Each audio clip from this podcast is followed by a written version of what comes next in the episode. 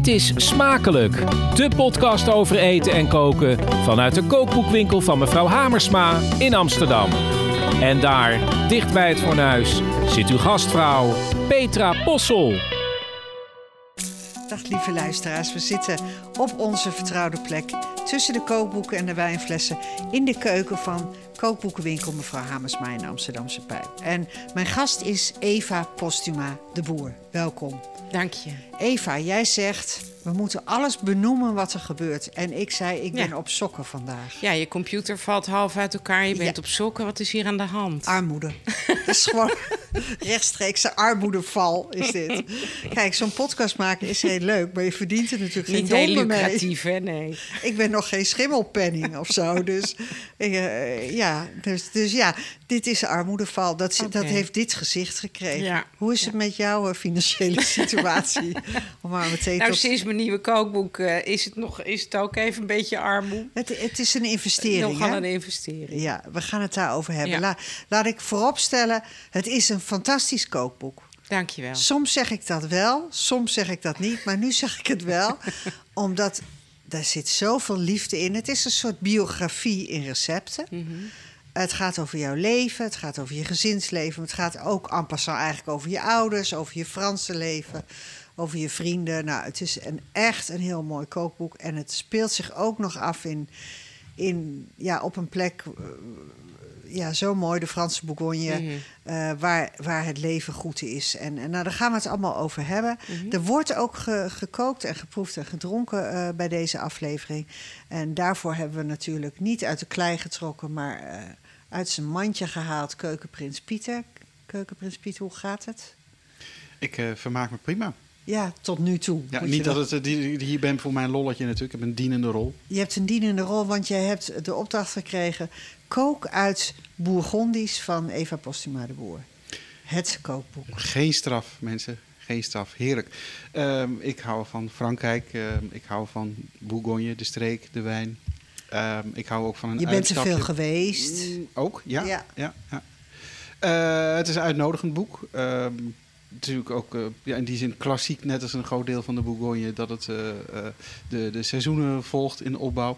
Maar ook eh, zijn er wel degelijk eh, uitstapjes. Ehm een van de dingen komen we vast nog op, is dat het eh, heel voorzichtig wat, wat minder vlees. eh, Ja, ja, Op wordt hint- zeker, ja, ja, zeker ja. dan wat je gewend bent in de... En wat erin staat, en daar werd ik gelukkig van, alleen maar door het woord, is pissenlit. Hmm. Pissenlit staat erin. Mhm. En eh, daar, dat is echt... Dan weet je ook wel dat het echt een Frans boek is, toch? Ja.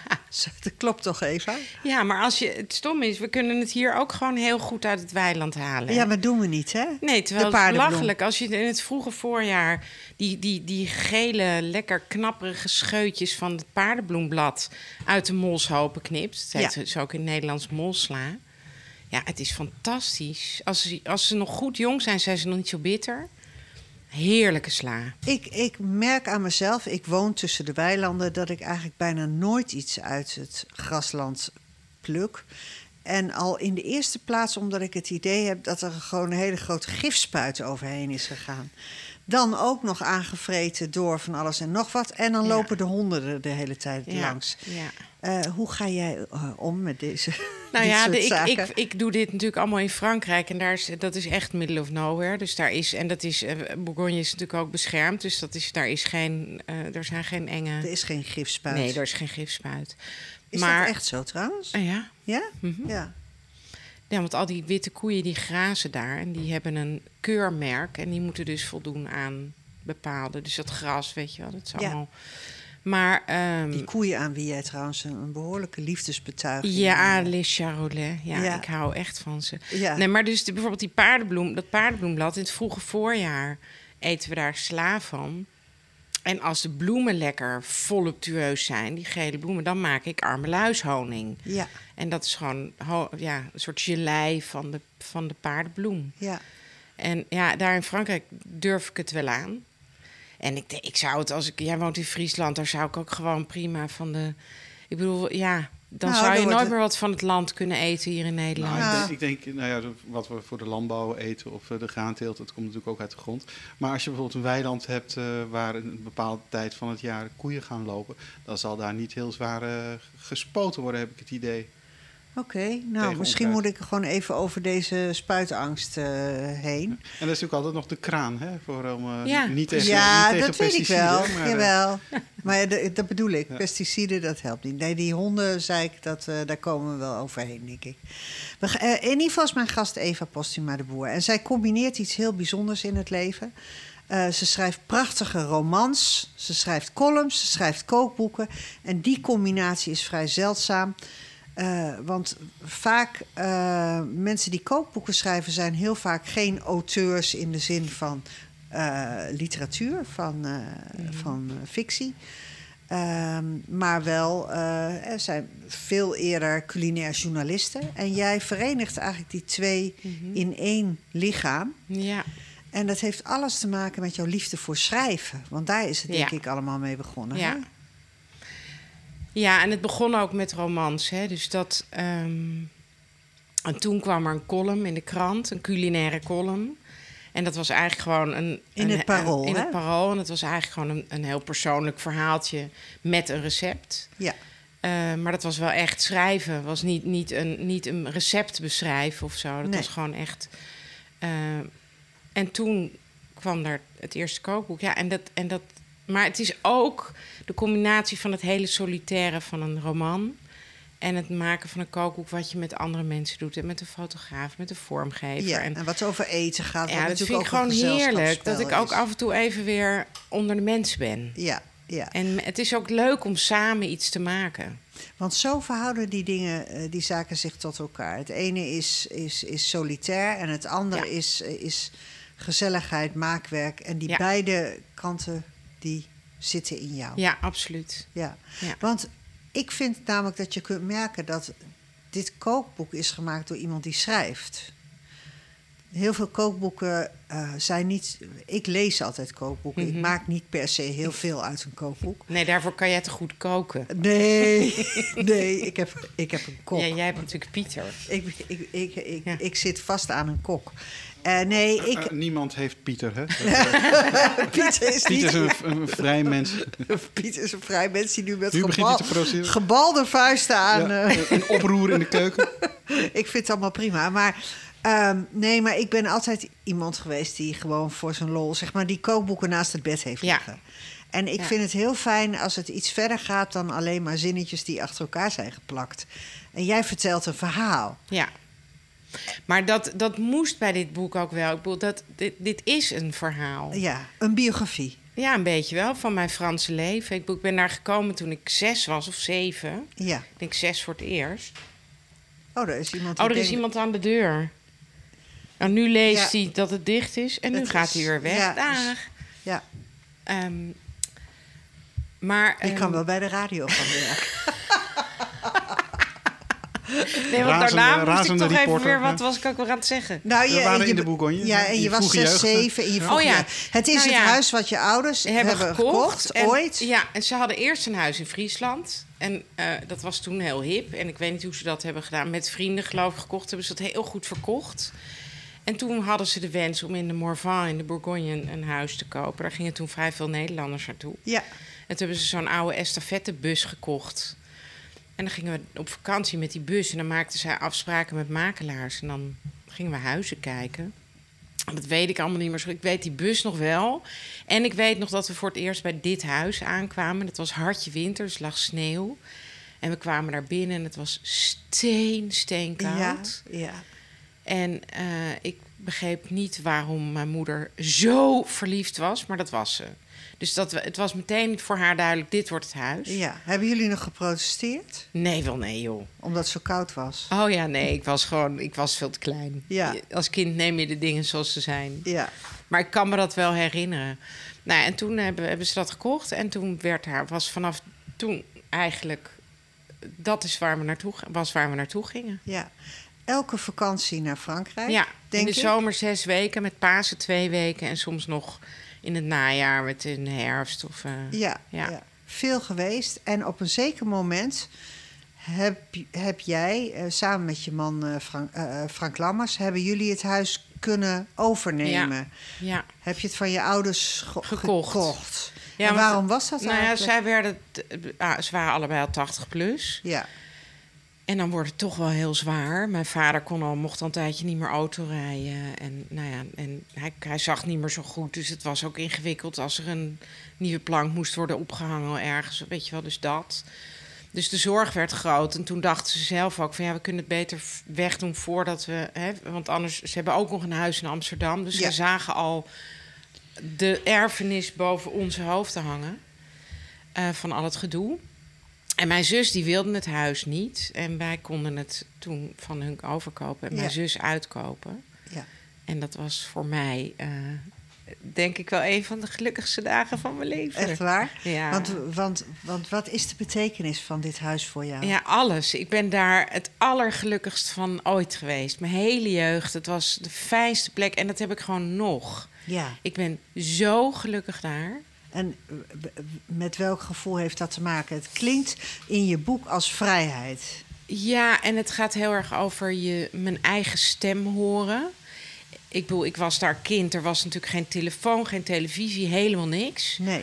Dus we deden spelletjes. Ik bouwde hutten. Ik lag in de hangmat. Ik las eindeloos veel boeken. Dus er gingen van de bibliotheek altijd het maximale aantal boeken mee. Ehm, en ik schreef dagboeken. En dus ik had een hele enorme fantasiewereld. En, ehm, Eigenlijk het begin van je schrijverschap. ja, ik denk dat het daar ontstaan is. En het was ook. Ik mijn vind zus. het zo jaloersmakend. Oh, zodat- echt? Ja, ik heb eigenlijk ook zo'n jeugd gehad, maar daar was dat Franse huis alleen niet bij. Maar wel dat je nog echt vaak denkt aan die tijd dat je dus Ja. niet liep te melken als je ergens binnenkwam. Hé, hey, de internetverbinding doet het niet. Ja. Ik kan niet bellen. Ja, Weet je wel, maar dat je gewoon ja, teruggeworpen werd. ja. Maar zonder dat je daarover nadacht. Want nu Ja. worden daar weken voor georganiseerd. Ja. Door yoga ja, eh, precies. vrouwen. Op retraite, zonder, zonder apparaten. Ja, nee, maar ik het was echt spelen. Nou, hebben- mijn kinderen het ook wel gedaan. Maar die, die dagen van de totale verveling. En ik, Niks. ik speelde altijd Peter en Petraatje. Overigens, mijn, mijn vader en moeder waren Peter en Petra. Ja, arme, arme mensen. En, ja, Petra schijnt een naam te zijn die, die echt heel erg geassocieerd wordt met een enorme mate van dufheid. Oh, echt? Oh ja, nee, ik vond dus Peter en Petra... de- dat waren voor mij de ideale vader en moeder Oh, als oké. kind. Nou, ik, eh, ik hou Ja. dit vast. Nee, en, er en doordat er geen telefoon... Er kwamen natuurlijk vaak mensen langs. Dus Ja. vrienden van mijn ouders, ook met kinderen. Maar je wist nooit precies wanneer. Hm. En dan hoorde je op het pad getuter. En dat was dan altijd zo rond etenstijd. Want het was ongeveer een dag rijden vanuit. Nederland. En dan hoorde je getuter. En dan, en dan sprong mijn hart over. En dan kwamen er, weet je wel... Dan waren Vriendjes, het vrienden, vriendinnetjes. vriendjes, vriendinnetjes. En dan we hadden ook een meertje. En dan de hele dag in dat meertje. En ja, dat was Ja, er staat een foto van jou in. Dan heb je, Ja. Ja. je hebt laarzen aan, regenlaarzen aan. Je hebt een blote buik. Eh, die buik is goed gevuld eh, op dat moment. Je bent een soort eh, ja, kruising tussen, tussen... Ja, ik moet eigenlijk moest meteen denken... Pieter, zoek jij, kun jij even opzoeken? Nee, ik, ja, achterin denk ik. Het- die kinderfoto ja. bedoel je? Nee, ja, ik denk toch? voorin. Ben je, dat ben jij toch? Ja, ja, ja. Oh, die staat die kin- dat zijn voorin? foto's van mijn vader. Eh, ja, met de kat. Die, die heb, dan heb ik de kat in mijn armen ook. In het weiland. Je in ziet het weiland. En, maar ik moest denken aan de boeken van Auke Hulst toen ik dat zag. Maar dat Oh was ja, omdat het de, Auke Hulst heel veel heeft geschreven over zijn jeugd. Een beetje in die ruige, ruige woestenij waar hij vandaan komt. Ja. Maar dat van kinderen die eigenlijk gewoon heel veel buiten spelen. Ja. En die gewoon zo, voor mijn gevoel, iets wat je heel zelden nog ziet. Ja. En, en dat is dit boek eigenlijk ook Het, een van beetje jou. het Astrid Lindgren gevoel. Ja. Ik vind ook dat het landschap in de Bourgogne heel vaak een beetje... En dan zeg ik altijd, oh, het is toch helemaal gebroeders Leeuwenhard. Weet je Ja. dat gevoel. Ja, ja dat, dat zit daar heel lieflijk lief en, en met een ja, Ja, die. ja, Met zo'n hele grote witte afgezaagd. Ja, luister, Ja. luisteraars, ik hou hem nu even omhoog. ja dat, is, dat is- het scheelt lekker dat jij hem omhoog houdt. Ja. Maar eh, het is een prachtige foto. Jouw vader Eddie uh, Postma Ja. de Boer, de eh, fenomenaal fe- fotograaf die niet beter kon dan de menselijke ziel eigenlijk in een foto vangen. Die heeft die foto gemaakt. Ja. Ik kwam laatst je moeder wel nog tegen. Ja. Eh, ja, dat moet ik even tussendoor vertellen. Het is even, ik, ik was uitgenodigd voor een feestje in de kring. En eh, toen bleek ik daar op de verkeerde dag te zijn. Oh, Eh, namelijk een dag te vroeg. En ik zag het eigenlijk al aan de mensen die de trap daar opliepen. Het is op het Leidseplein, lieve luisteraars, in Amsterdam. Want dat waren allemaal oudere medemensen. En dat, kon, dat spoorde niet met het feestje waarvoor ik uitgenodigd was. Dus ik zei op een gegeven moment... nou, volgens mij is dit niet goed. Ik ben naar boven gegaan. Ik zeg, is dit, ehm, is dit het feestje van die en die? Nee, dit is de vernissage voor... eh, expositie of het boek van Eddie Postuma de Boer. oh. En ik ben toen naar beneden gegaan, heb in mijn mobiele telefoon eh, mijn excuses aangeboden aan het feestvarken. Waar ik, ik zei, ik sta hier wel op het Rembrandtplein, of het Leidseplein, maar op de verkeerde dag. Eh, want dit is de vernissage van Eddie Postema de Boer. Ook bijzonder. En toen zei iemand achter mij, een, eh, een oudere dame, zei achter mij... Inderdaad, heel bijzonder. En toen keek ik en toen zei ze... Ik ben de weduwe van... eh, Ah. en dat was jouw moeder. Ja, ja. Nou, dus het was een beetje een Ja. corrigerende tik ook wel, half. Maar goed, dit doet Mm. er verder helemaal niet Mm. toe. Jouw moeder komt er heel goed van af in dit boek. Eh, Zeker, want, die zij was maakte alles. Ja, ook. joh, die was van het koken. ja. En haar, die kwam ook zelf uit een gezin waar tradities... en dat, tradities gaan natuurlijk heel vaak over eten. En, en ja, in Frankrijk was tijd, dus daar werd gekookt. Dus het, ging, het, het was gewoon... Mijn, mijn ouders zaten dan s ochtends in de tuin koffie te drinken. Wat gaan we vandaag eten? ja. En dan, nou, gaan we naar de markt in Solieu... of gaan we naar de grote supermarkt Dat is in? Of dichtst, gaan we... dichtstbijzijnde Ja. dorp waar je heel goed kunt eten. Ja. Weet ik inmiddels. Ja, ja, precies. En, dat, en het is een stadje en, en je kunt er, je kunt er fantastisch eten. En je hebt er, omdat er beroemde restaurants zitten, hele goede winkeltjes. Ja. Dus fantastische kaasboer, goede slagers. eh, ja. En een uitgebreide markt op zaterdag en zo. Ja, dat is, ik bedoel, dat kunnen ze natuurlijk in de Bourgogne. Dat, het is, alles is, gaat om kwaliteit van het product. Wat, wat, wat heeft gemaakt dat jij zeg maar, je gelukkige jeugd vertaald hebt in een kookboek en niet in een roman?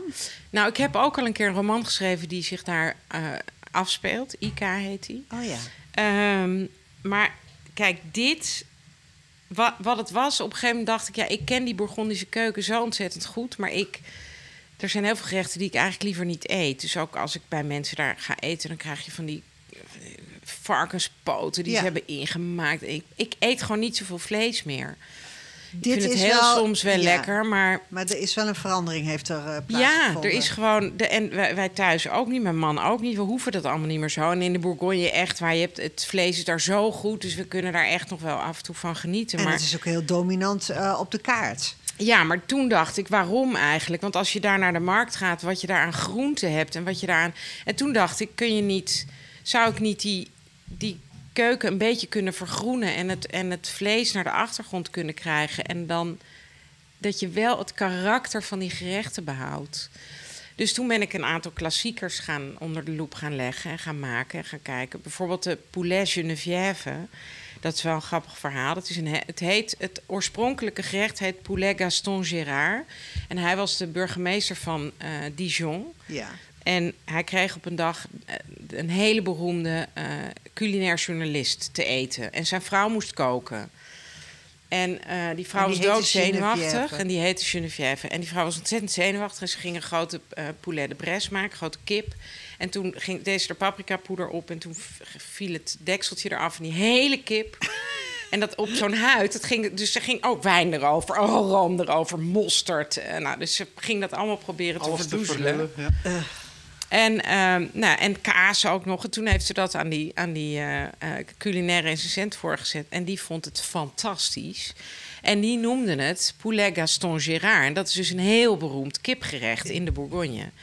En toen dacht ik, ja, dat is nou een goeie. Die ga ik eens maken. Dus ik heb hem eerst gemaakt zoals, zo- zo- volgens het origineel. En toen dacht ik, nou, dat kan ook met veel minder kip. En wat eigenlijk heel zonde is, er zit dus heel veel eh, sap van de kip. Ja. Eh, je hebt wijn, bouillon gaat erin, kaas, mosterd, allemaal dingen. En die kip die drijft in het vocht en daar doen ze niks mee.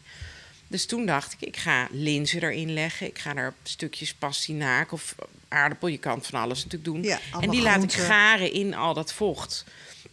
En zij deed eh 500 milliliter eh, slagroom. En ik heb 100 milliliter slagroom en 400 milliliter bouillon gedaan. Want die verhouding die irriteert je dan ook. nou ja, dat is het allemaal zo, zo, zwaar. vet. Zo vet. Ja. Ehm, nou, en toen eh, ben ik uit. Dus dat heb ik een paar keer gemaakt en geprobeerd. En toch iets meer dit, toch iets meer dat. En, en, en veel minder kip. Dus, dat je, dus, en, du- dus ik doe gewoon kippendijen met vel. Ja. Dat is lekker. Ehm, nou, en uiteindelijk kwam ik dus op een, op een gerecht waarbij je per persoon veel minder kip eet. Je hebt eh, eh, het vult doordat je groenten en linzen hebt. Je hebt en al die, smaak, saus. smaakmakers heb je wel. Ja, en die saus die gebruik je om die groenten in te gaan. Dus het, die, die smaken komen. Het komt zo tot zijn recht. Ja, Nou, en dat gerecht heb ik poulet geneviève genoemd. ja.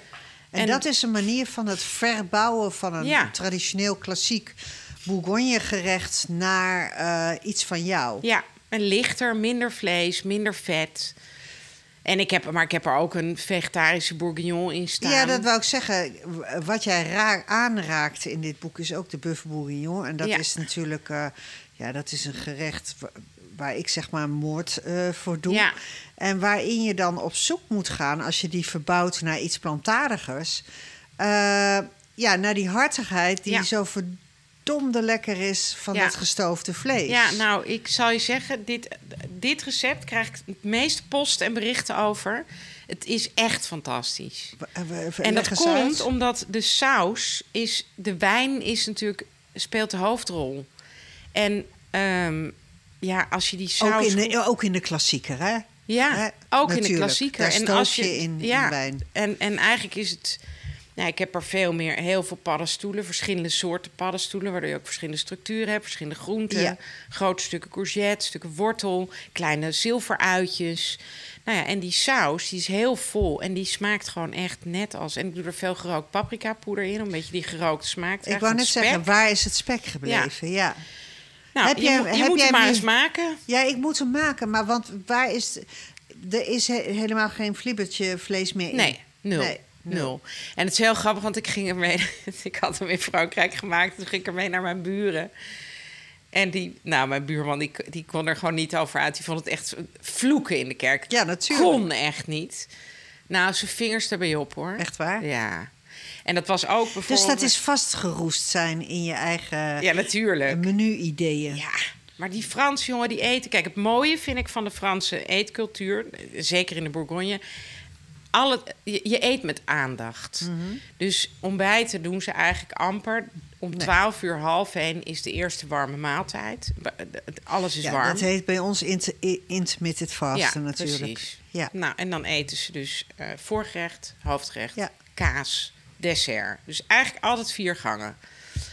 En dan eten ze s'avonds, zeggen ze altijd, een lichte maaltijd. Ja, ja, dat zeggen ze. En dat is dan voorgerecht, hoofdgerecht, kaas. Ja. Of voorgerecht, hoofd. Dus het is vaak dan drie gangen in plaats van vier. Dat scheelt Oh toch ja, een stuk in de boek ja, ja, ik heb ook wel veel meegemaakt. Twee gerechten, waarvan Kan. één kaas. Ja. ja. Maar dat ze dus twee keer per dag kaas eten, je gelooft toch niet? Maar ehm, nou ja, ik vind dus de aandacht die ze voor het eten hebben heel mooi. En daar kunnen we een voorbeeld aan nemen. Want het is ontzettend fijn om. Ik vind het het leukste wat er is om met elkaar te eten. En om aandacht te hebben voor wat je eet. Maar ja, het kan wel wat minder. En, en, en vlees is daar. Is dus ook twee keer per dag vlees, hè? Ja, ja, ja, zeker. En kaas, dus twee keer per Ja. dag enzovoort. Ja. Ik ben er wel dol op, moet ik eerlijk zeggen. Mm. Maar eh, ja, ik probeer ook wel daarin te minderen. Maar ik vind dat inderdaad lastig. Dus jouw boek is daar heel, heel, is heel bruikbaar bij. Om die stap te maken. Ja. Omdat ik het namelijk zonde vind om alles terug te brengen naar eh, mager. Of Ja. ja. ja, dat die hartigheid dan ontbreekt. Of dat je alles met miso moet doen. Dat vind ik namelijk ook oervervelend. ja. Dus Nee, maar ik ben niet zuinig. Hè. Ik bedoel, er staat ook brood met morbier erin. En er staat bedoel, eh, omelet met aardappeltjes met raclette kaas. Het, en het is in de geest van, Bourgo- van de Bourgogne het is niet mager, Nee. maar het is gewoon minder vet en minder vlees. Hoe de truc eigenlijk werkt, als je het zo zou willen noemen... eh, gaat eh, keukenprins Pieter nu illus- illustreren. Want eh, hij heeft een gerecht gemaakt uit jouw boek, Pieter. En eh, eigenlijk zijn het twee gerechten, toch? Ja, ze horen bij elkaar. Dat is een aanwijzing eh, van de auteur. Ja, het is frietje, uien, bierstoof. Ja, dat heeft het eigenlijk al eh, ja, alles eh, in zich. Friet, friet patat, patat friet bakken. Eh, je kan variëren, eventueel met pastinaak of een andere iets te frituren groente. In dit geval klassiek met de aardappelen. Belangrijker is de, de uien bierstoof. Want wat is uien bierstoof? Eh, dat is een stoof van eh, uien en bier. Het is ongelooflijk. Ik vat het even samen. Nee, Ja. eh, twee soorten uien in dit geval. Bruin bier. Het is eigenlijk zo lang ingekookt dat het bijna een uienjam wordt. Het is heel rijk aan, aan smaken door specerijen, verse kruiden, tijm en peterselie. Heeft die zoetigheid ook waarschijnlijk, toch? ja, dat komt door het stoven van de uien, maar ook door het toegevoegde bruine bier. Ja. Nou, en is het, eh, je kijkt erbij alsof ik het nu wel eh, ja, weet. ik denk dat, maar misschien moet er ook even iets eh, bij eh, gedronken worden, want dat is natuurlijk aanbevelenswaardig. Wat gaan we Wil je nu... een biertje even? Ja, ik wil wel een biertje erbij. We doen een biertje erbij. Lekker hoor. Eh, een biertje en dan een frietje. Met, en die friet, want misschien kan jij Eva iets vertellen over die friet. Nou, Dat is niet dat je eh, friet eh, koopt in een zak. Nee, natuurlijk niet. Maar ehm, nou ja, wat ik er eh, o- onder andere over kan vertellen is dat. ehm, dat ik heb het ook opgeschreven. Ik werd opgevoed met patat. Bij mijn Brabantse man doet dat woord pijn aan de oren. Het is friet. Ik heb besloten tot patatfriet. Iedereen gelukkig. Ik werd helemaal gek van die discussie. Iedereen loopt elkaar bij ons thuis maar te be- verbeteren. Het is jullie belangrijkste oorlog. Ja. Zo'n beetje. Koelkast en ijskast. Oh ja. ja, was jij van de ijskast? Ja, zeker ben ik van de ijs. Staat ook in mijn boek. Ja. Maar dan zet ik ook altijd voorin. Ja, mag allebei. Je bent Staat in mijn, sta, ik zet altijd alle recepten in het boek samen. Met boter bedoel ik roomboter. Met kristalsuiker bedoel ik suiker. En met ijskast, koelkast. Ja, ja. De, om dat gezeur. Om dat gezeur niet Voor te zijn. Maar ik kan niet, koelkast. Ik Nee. kan het niet. Ja, maar luister. Laatst stond je in de Volkskrant, meen ik. Ja. eh, samen, of was het de Volkskrant met Ja. Frank Lammers, met je man? Ja. En hij is een Brabander en, jij bent een pure Amsterdammer. Ja, ja. En ja, dat, dat, dat interview, dat, ik heb daarvan genoten. Ik heb je ook nog een bericht gestuurd toen. Omdat daar alle tegenstelling tussen jullie werd werden Ja. daarin eh, Ja. eh, volledig eh, eh, geëxposeerd. Ja. En, en toch eh, waren jullie ook heel liefdevol over elkaar. Ja, ja, Het, het, ja. het- maar het is toch een wonder. Nou, het is heel grappig dat de cultuurverschillen... dus als je uit andere provincies komt, heel groot zijn. Zeker, ja. En ehm, ja, dat is, dat is gewoon. En, die, en de interviewer eh, in kwestie, dat is Sander Donkers, die, zat, die was er ook op uit, hè? Die was op uit, maar het waren ook niet alleen maar eh, de, de provincies eh, die met elkaar, nou ja, botsten.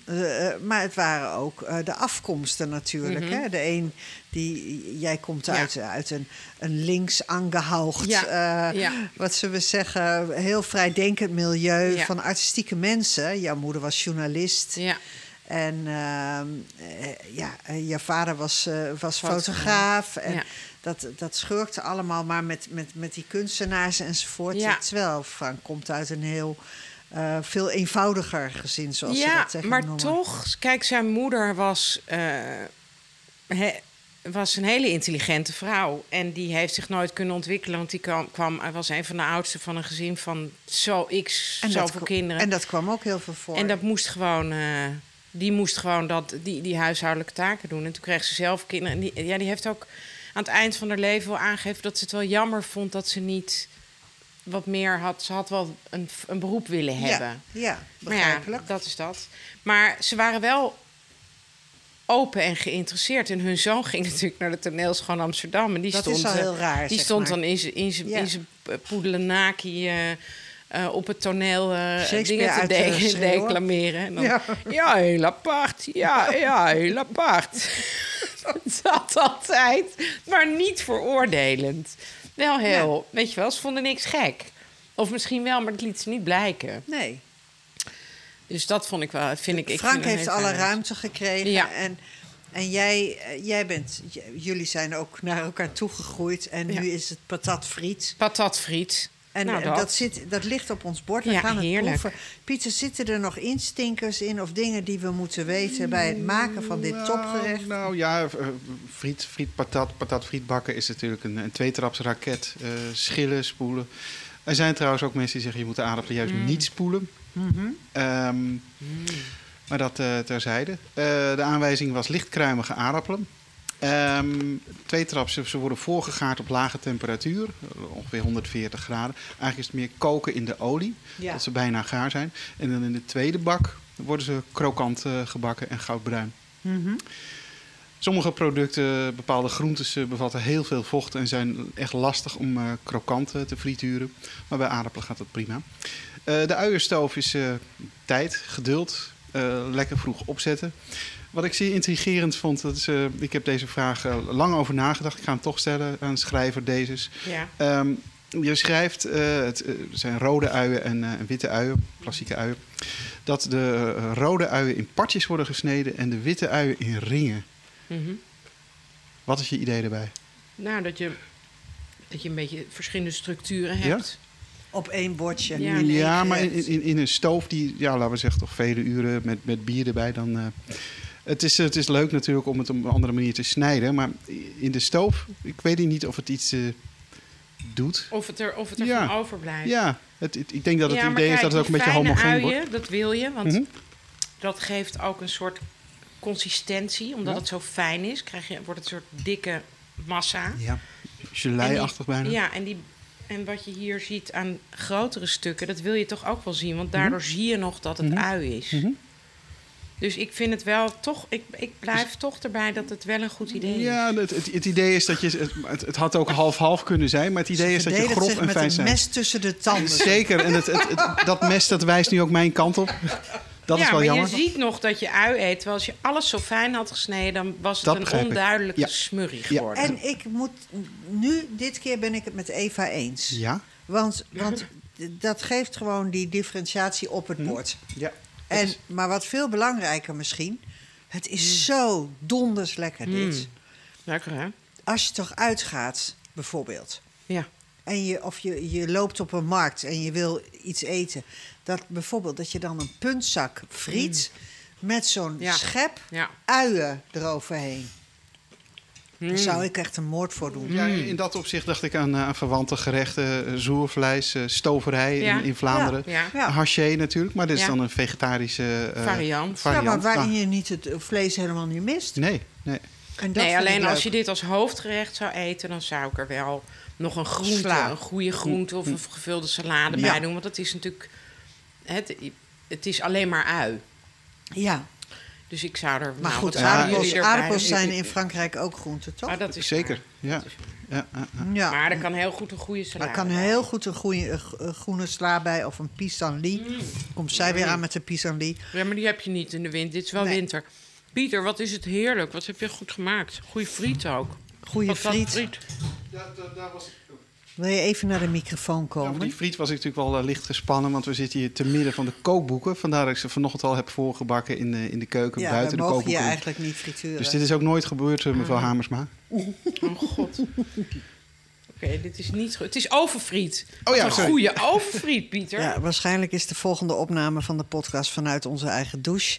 Ehm, een overfriet, daar werken we niet mee. Hè? In, in, Geen sprake van. in, in dit aardse bestaan. Ik vind het ontzettend lekker. Ja, ik vind hem ook heerlijk. En die hartigheid die natuurlijk helemaal bij de winter en bij dit Ja. verschrikkelijke weer eh, hoort, die, die komt hier in. eh, voor de luisteraars misschien leuk om te weten: het is inderdaad een boek dat in seizoenen is opgedeeld. Eh, want de Fransen koken ook zo. En eh, we, we gaan zo meteen ook nog een stukje van jouw taart eh, proeven. Want jij bent hier binnenkomen lopen met een enorme fijne grote taart. en daar gaan we een heel klein puntje van proeven. Eh, dit boek, hè, je zei al, het, het, het is echt een levenswerk van jou, Mhm, dit ja, boek. Hè? ja. Dit, dit boek, is dit dan ook het boek dat alle andere boeken overbodig maakt, bij wijze van spreken? Ik bedoel, ben je klaar met boeken, met kookboeken nu? Nou, dat weet ik niet. Ik, dit, dit kan ik nooit meer maken.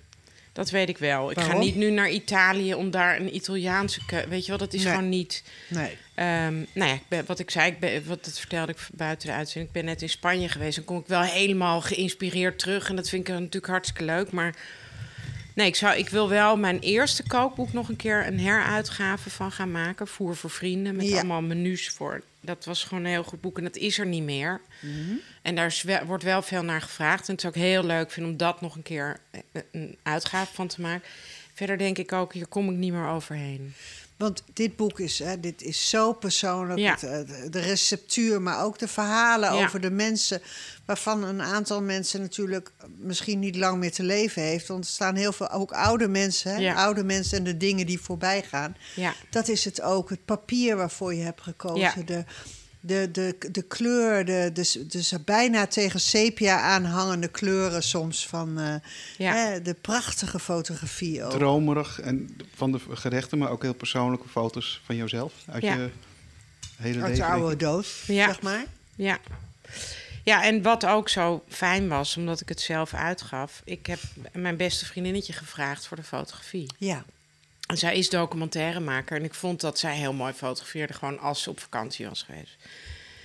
En toen zei, en die had toevallig wilde ze een sabbatical nemen. Toen zei ik, wil jij dat sabbatical dan niet invullen met foto's maken voor mijn Franse boek?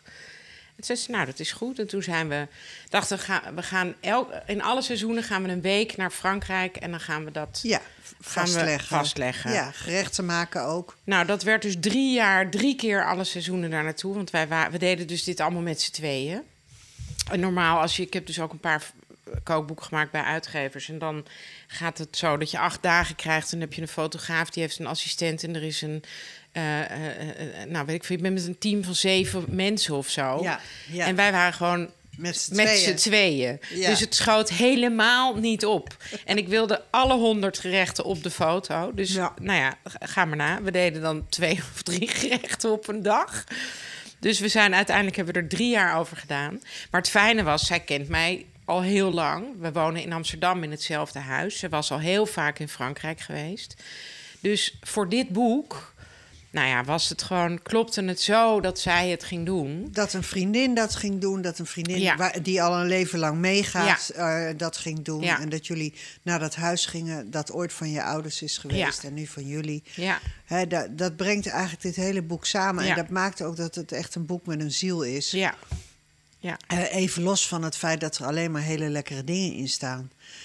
En ehm, wat denk ik ook wel een bijdrage is, ook, Ja. ook een hap uit je portemonnee tegelijkertijd, Ja. is, is dat je het zelf hebt, hebt uitgegeven. En dat doe je ook eh, sinds een tijdje. Geef jij eh, keukenkastjes uit. Ja.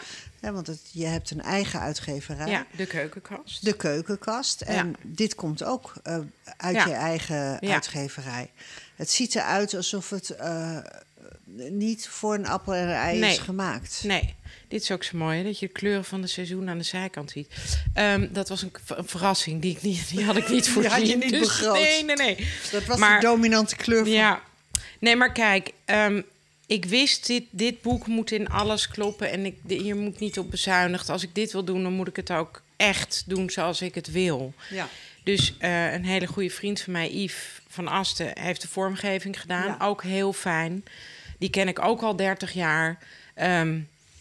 Reinho heeft dus de fotografie gedaan. We zijn, we- ik, ik, ben, ik heb ook nog gekeken of ik in verre landen kon drukken. Maar ik ben toch in Nederland gaan drukken, omdat je dan... Dan ga je naar de drukkerij, naar Wilco in dit geval. En dan kan je gaan voelen en ruiken aan Wat voor papier. en papier, wat dan- voor kleur. Ja, en ze maken drukproefjes en je kan nog een keer komen kijken. En ik heb echt aan die persen gestaan. En nou ja, dus ja, ik heb gewoon op elk... Ik wil elke foto, elk bordje heb ik natuurlijk ook ze- zelf uitgekozen. Alles, ik wil, ja, hoeveel bladzijden zijn het? Elke bladzijde is door mijn honderdduizend keer door mijn, door mijn vingers gegaan. Nou, het is een 366 enorm. Hier, dit is ook een boek, eh, ja. Ja. niet, niet, niet om, om lullig te doen, maar daar kom je bijna niet meer overheen als het betreft je kookboek. Nee, nee. Kan alleen nog maar een roman weer tegenover nou, staan. daar En ga die ik nu komt ook aan beginnen. Die komt Ja. er ook. Ja. Je geeft het zelf uit. Ja. Eh, dit, is, dit is helemaal van jou. En eh, het, is, het geeft ook, denk ik, als je met zo'n boek bezig bent... schat ik zo, veel lichtheid in het bestaan... wat niet altijd even Mhm. Ja. ehm, vrolijk is. Afgelopen jaar heb je een aantal eh, eh, mensen moeten begraven... Ja, onder wie je goede vriendin eh, Wimmy Wilhelm... Ja. aan wie je het boek ook opdraagt. ja, dat klopt. Ehm, voor Wimmy, de vrouw die niet kon koken. Dat was ook zo. Eh, Ze Wimmy kon wel eten. Ze kon heel goed eten, maar ze kon niet koken. En daar maakte ze altijd veel grappen over. Maar ik ben op een gegeven moment met haar kookfilmpjes gaan maken. En dat was al voordat ik dit boek ook... te- ik, zij, zij is ook wel eens meegeweest met Reinet, eh, Rijn en mij naar Frankrijk voor de fotografie. Zat ze gewoon een week lang op de bank een beetje naar ons te kijken en, te becommentariëren. Ja, Maar zij heeft... dat kon ze ehm, ook heel goed. Hè? kon ze ook heel goed, buurman en buurman. En zij, Ja. noemde, zij noemde de fotograaf eerst Picasso en toen alleen nog maar Picas. Hé, hey, Picas, ga je lekker? Dit was voor het broodnodige relativering. Ja, en...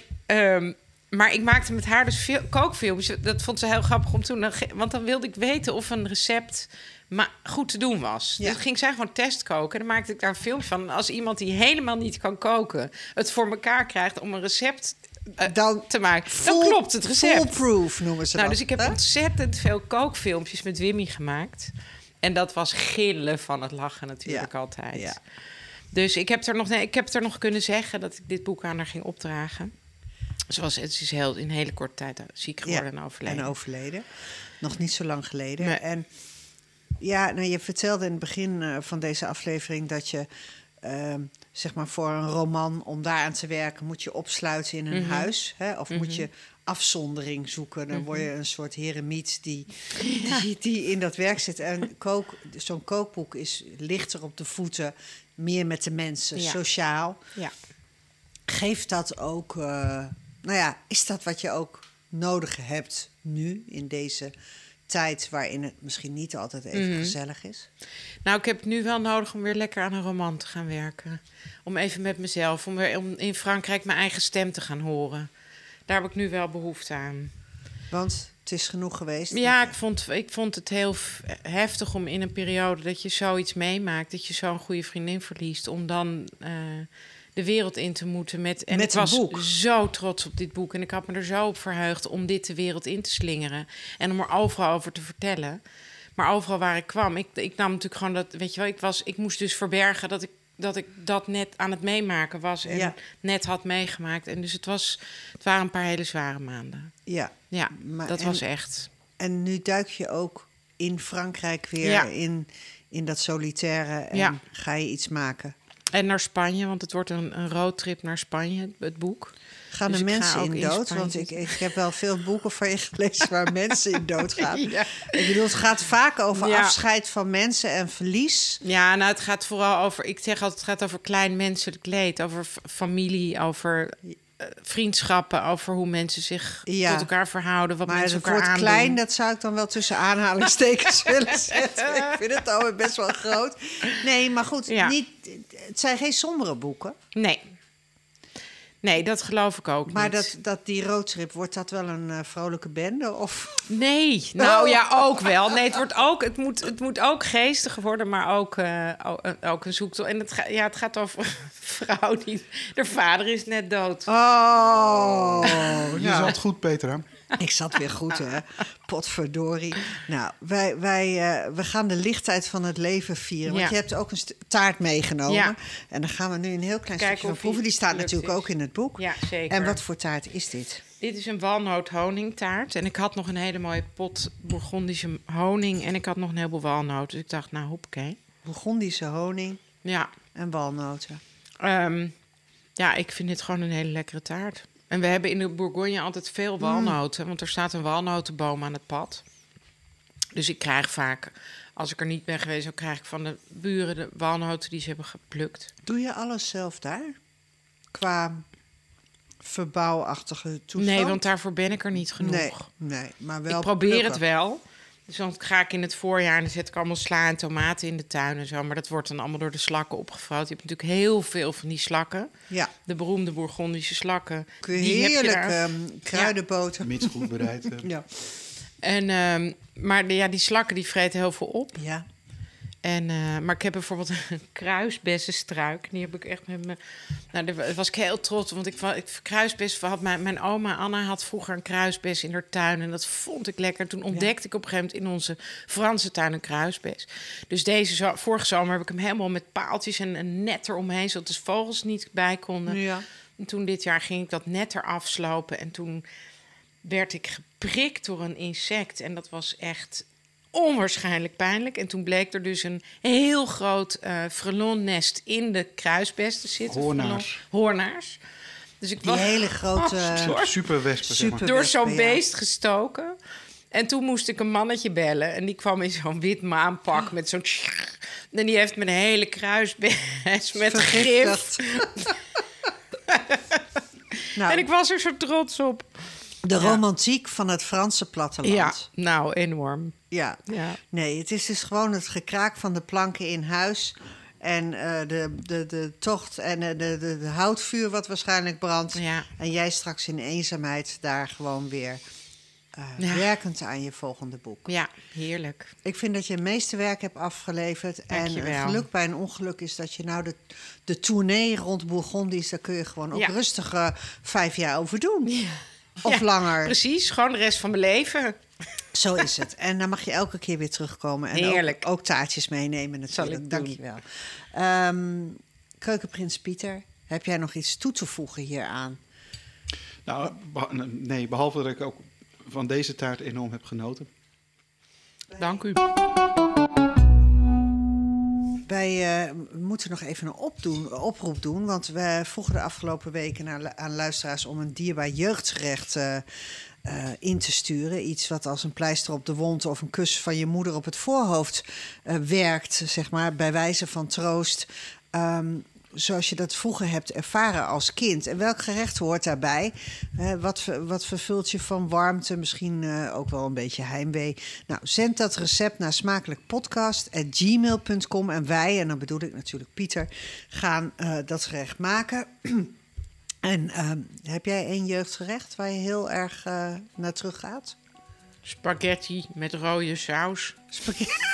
En zuurkool van mijn moeder. Spaghetti met rode saus spreekt heel erg tot de verbeelding. Die, heb ik ook in het repertoire zitten. Ja.